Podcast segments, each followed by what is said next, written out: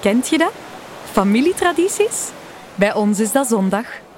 Zondag eten wij altijd verse vis bij oma en opa. De hele familie op bezoek in Nieuwpoort.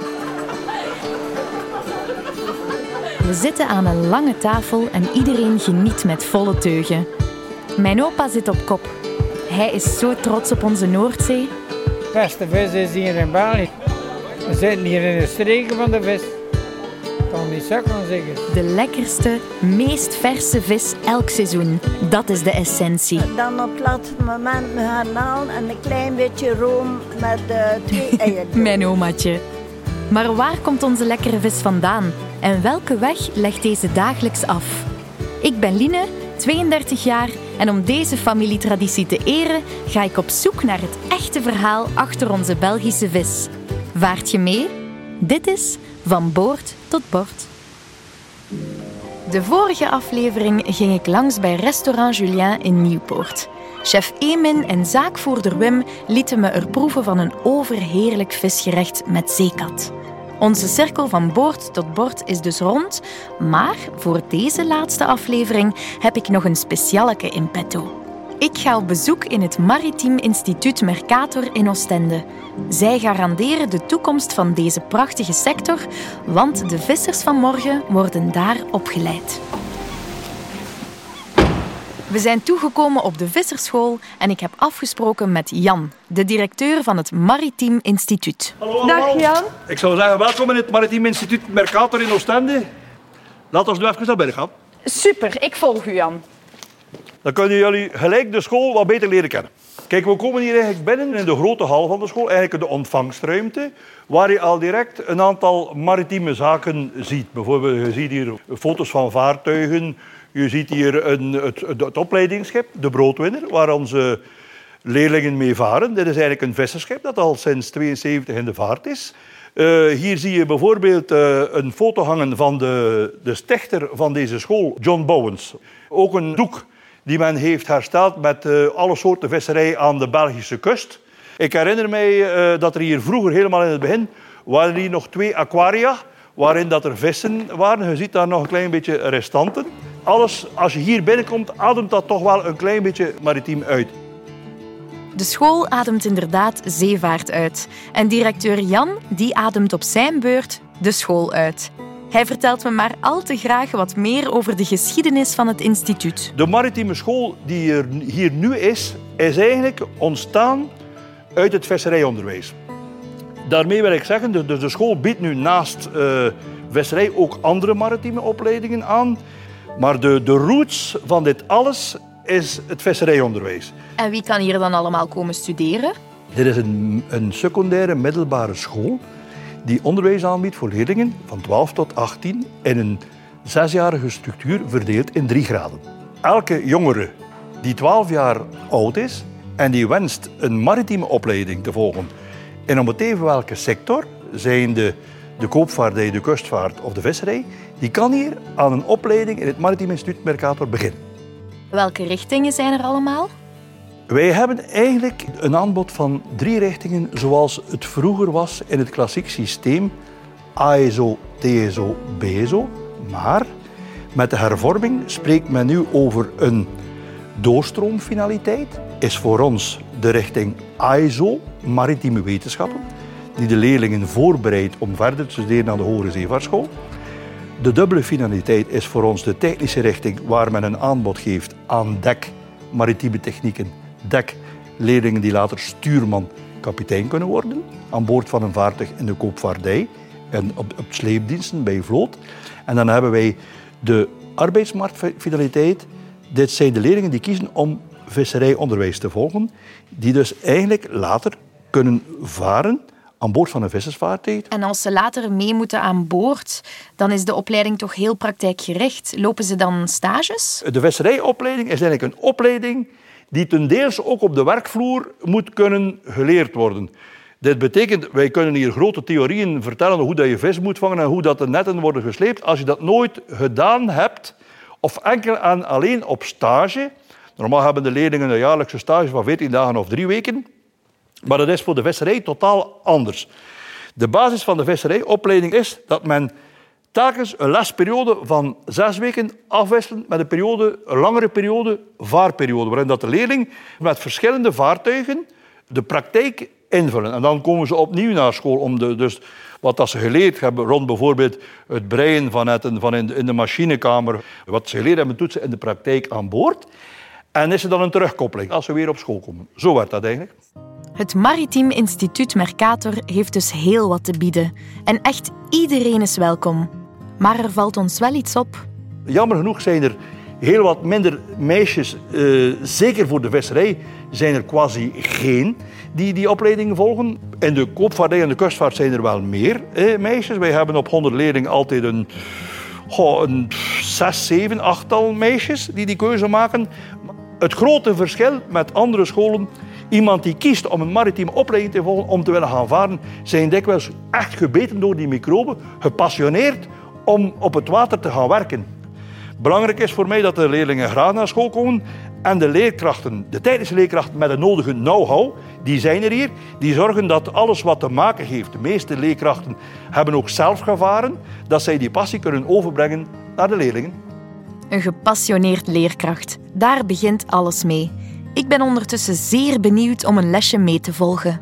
Ik ga jou nu uh, meenemen naar eigenlijk een, uh, een, een, lokaal, het, het lokaal technieken. Eigenlijk het lokaal waar dat je een aantal typische visserijvaardigheden, waar, waar dat een aantal typische visserijvakken worden gegeven. Visserijkunde is bijvoorbeeld een, een vak die, die, die de leerlingen krijgen.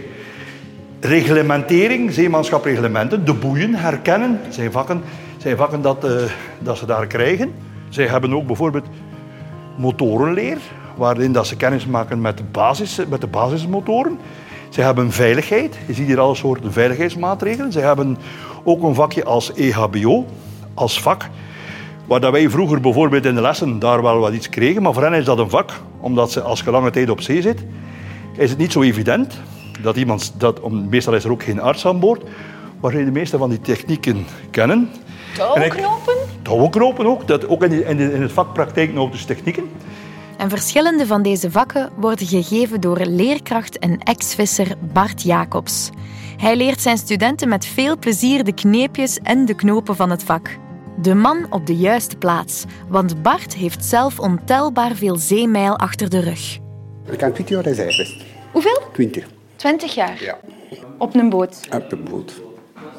Ja, de tijden waren dan anders of nu. Hè. Nu doet de visser 150, maximum 180 zijdagen per jaar. Wie er de 300.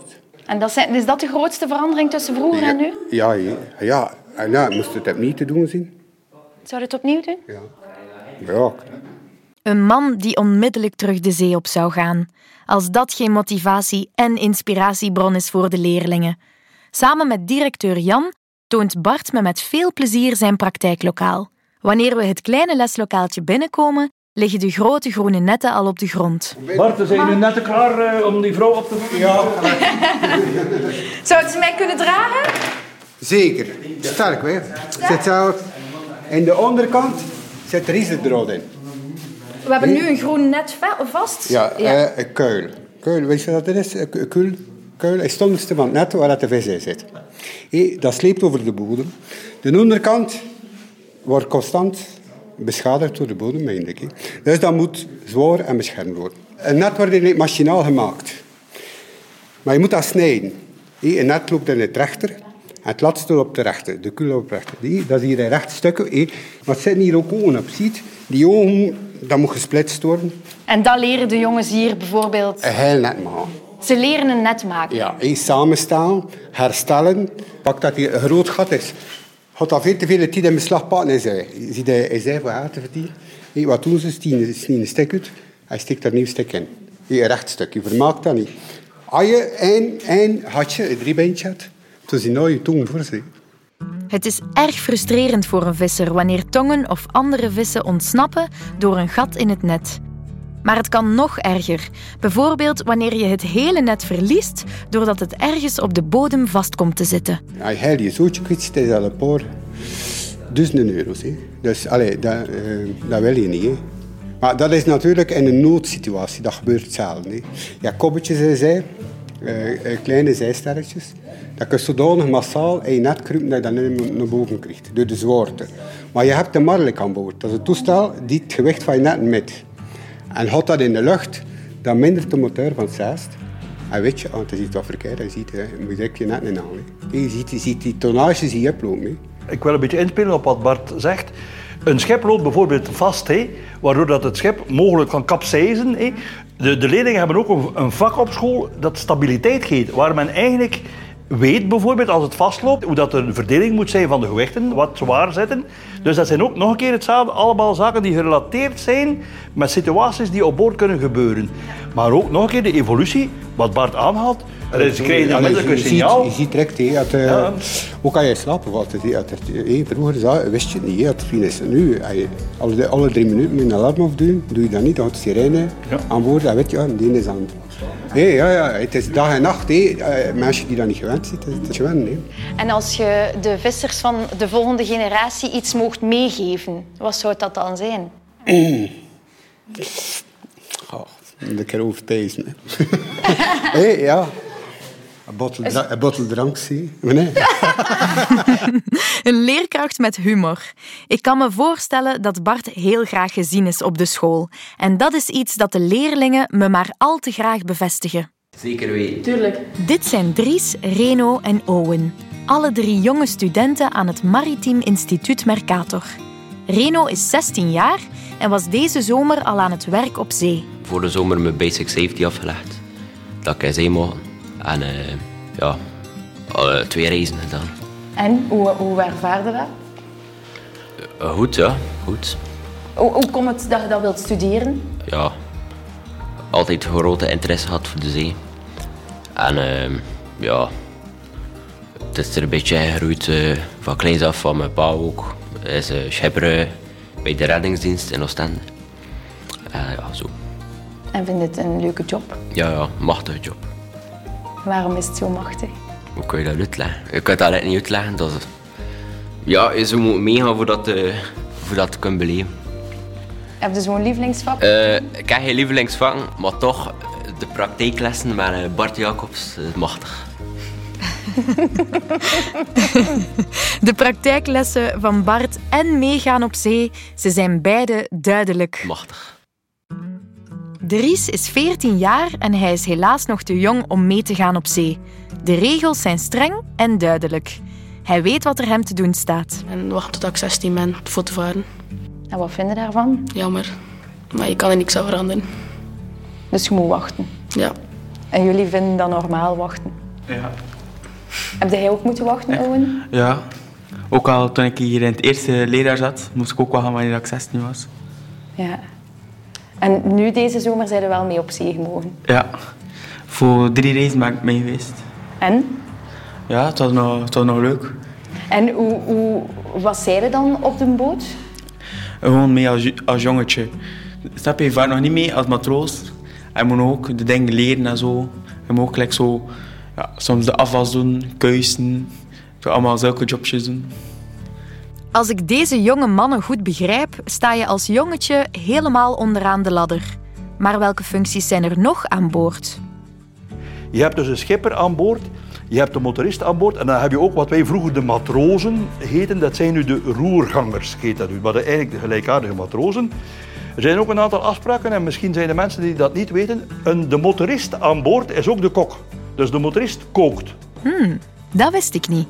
Ik vraag mij af of er veel veranderd is voor de vissers in vergelijking met vroeger. De visserij is geëvolueerd. Vroeger was het voldoende als men voldoende spierkracht had om aan boord van een vissersvaartuig te werken en veel geld te verdienen. Ondertussen, de eisen rond veiligheid aan boord zijn strenger geworden, maar ook de eisen rond het bijhouden van een logboek, alles is geautomatiseerd. De schepper vandaag aan boord van een moderne vissersvaartuig is geëvolueerd. Noem het, is dat een manager, een ondernemer die een bedrijf met zijn bemanning moet kunnen staande houden. En als school moeten wij ook inspelen op die vernieuwingen. Er zijn verschillende apps aan boord ook, waar dat ze bijvoorbeeld kunnen zien wat er aan voorraad allemaal aanwezig is. Vroeger was het allemaal niet. Hè? En dat betekent dat je ook voldoende eh, IT-vaardigheden moet aanleren. Ja, het is een En veel groter een- dat klopt, het is een veel groter taakpakket. Hè? Ja. Het veiligheidsaspect komt heel vaak aan bod. Hè. Daarnet haalde jonge visser Reno zijn Basic Safety Attest aan. Maar waarom is dat belangrijk? Om aan boord te gaan van een vissersvaartuig moeten alle leerlingen beschikken over een basic safety attest. Dat wil zeggen dat ze de minimale vaardigheden van veiligheid onder de knie hebben. Je mag anders niet aan boord van een vissersvaartuig. Maar dat betekent ook dat ze eh, zichzelf moeten kunnen redden en anderen moeten kunnen redden in de basis. Dat ze moeten de, basis kennen van firefighting, brandbestrijding. En dat ze niet moeten denken, oh, brand nu, wat gaat hier nu gebeuren? Dit attest moeten ze hebben. Wij gaan bijvoorbeeld naar Rijkenvelde, waar dat ze op een schip gesimuleerd worden, waarin dat overstroomt, dat er allemaal water is, waar dat het brandt, waar dat ze moeten blussen. Ik heb hier en daar al één van 17, 18 jaar toch om zijn mama horen roepen daar. Amai, om de zee op te gaan moet je dus van vele markten thuis zijn. Directeur Jan beschrijft voor mij de perfecte student. Eentje die over de volgende eigenschappen moet beschikken. Die passie moet er zijn voor alles wat te maken heeft met het water. Dat is eigenlijk een begin. Iemand die nog wat avontuurlijk is aangelegd. Die houdt van wat uitdaging. Die wel geen solitair iemand mag zijn. Ik bedoel, daar, je moet eigenlijk wel ook een beetje een teamplayer zijn. Ja, en waarom is dat zo belangrijk, een teamplayer zijn? Veel zaken wat wij doen, ook in andere lessen, zijn teamgericht. Een visser die een Einzelganger is, um, heeft het moeilijk ook in, in zijn functioneren met anderen. Het, het, omgaan met elkaar. Want er is ook iets wat je niet mag onderschatten. Als je drie weken met vijf mensen in een tamelijk beperkte ruimte zit, er is elke keer een, een, moment waarin dat het, daar al wat spanning is. Hoe ga je daarmee om? Ook daar zijn er lessen uh, rondgegeven. Er is een keer een periode waarin dat het wat moeilijker gaat, dat men eigenlijk zich een stukje wapent tegen uh, dergelijke zaken. Ja. Wij bieden eigenlijk een totaalpakket aan wat, wat eigenlijk allemaal in het vissers, wat een visser allemaal in zijn werk en in zijn leven eigenlijk ontmoet, uh, moeilijkheden, maar ook succeservaringen en dergelijke. Ja, en naar duurzaamheid toe, nemen jullie dat ook mee? Uiteraard, uiteraard. Stel u voor dat wij als school niet over duurzame visserij zouden kunnen spreken. Net, net zoals als de klimaatverandering. Ja, ik geef een voorbeeldje. De bodemberoering. Uh, er, er, worden studies gedaan rond uh, overbevissing. Uh, er zijn quota waar men minder op dit soort vis mag vissen. Maar ook de duurzaamheid, het, het, minder verbruiken van brandstof door een andere soort netten te gebruiken. Dit wordt uiteraard, dit zit ook in, in, vakken, in vakken in de school. Andere rond, machinerie ja, andere en machinerie, het leren van die machinerie. Andere ja, ja, uiteraard, uiteraard. Ja.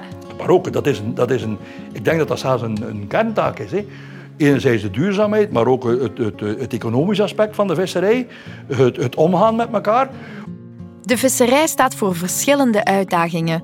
Uit mijn vorige bezoekjes weet ik dat de toekomst onzeker is. En daarom heeft Jan een heldere missie en visie voor de toekomst van de school. Ik denk dat het de missie is van de school van leerlingen eh, te kunnen opleiden tot bekwame zeevarenden, bekwame technici, die zowel inzetbaar zijn in diverse maritieme sectoren. Dat is ook de vraag van de sectoren. Wij hebben altijd een slogan gemaakt als, als promotie voor onze school.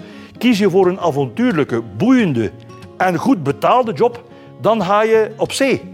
En dat geldt zowel voor de visserij als de koopvaardij, als de sleepvaart enzovoort. En kunnen ze zich nog inschrijven? Ze kunnen zich zeker nog inschrijven. Nieuw ook in, in duaal leren, bijvoorbeeld voor de zeevisserij, is dat men vroeger moest inschrijven op 1 september, terwijl men nu op elk ogenblik durende het ganse schooljaar van september tot eigenlijk in juni nog kan inschrijven. Dat is heel goed nieuws. Dus ik zou zeggen, elke jongeling die de lokroep van de zee hoort, je weet wat u te doen staat. Ikzelf bewonder de sector enorm, maar ik vrees dat ik beter met mijn beide voetjes op het droge blijf, want ik heb blijkbaar nog heel veel te leren. Ik ga jou hier direct een vraag stellen hier. Nee? Stel mij een vraag. Ja, wat is nu het verschil tussen stuurboord en bakboord? Je hebt 50% kans. Wat is er nu rechts en wat is er nu links? Stuurboord of bakboord? Stuurboord is links. Het is jammer genoeg fout. Oh, die, best. die 14 dagen Spanje als prijs heb je nu verloren. Stuur, stuurboord is rechts en er is daar een trucje. Ze onthouden dat altijd omdat er daar een R in staat. Stuur rechts. Hè.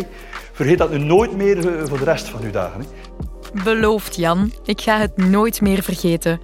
Net zoals alle andere mooie ontmoetingen die ik heb mogen ervaren de afgelopen weken. Stuk voor stuk gepassioneerde mensen met het hart op de juiste plaats.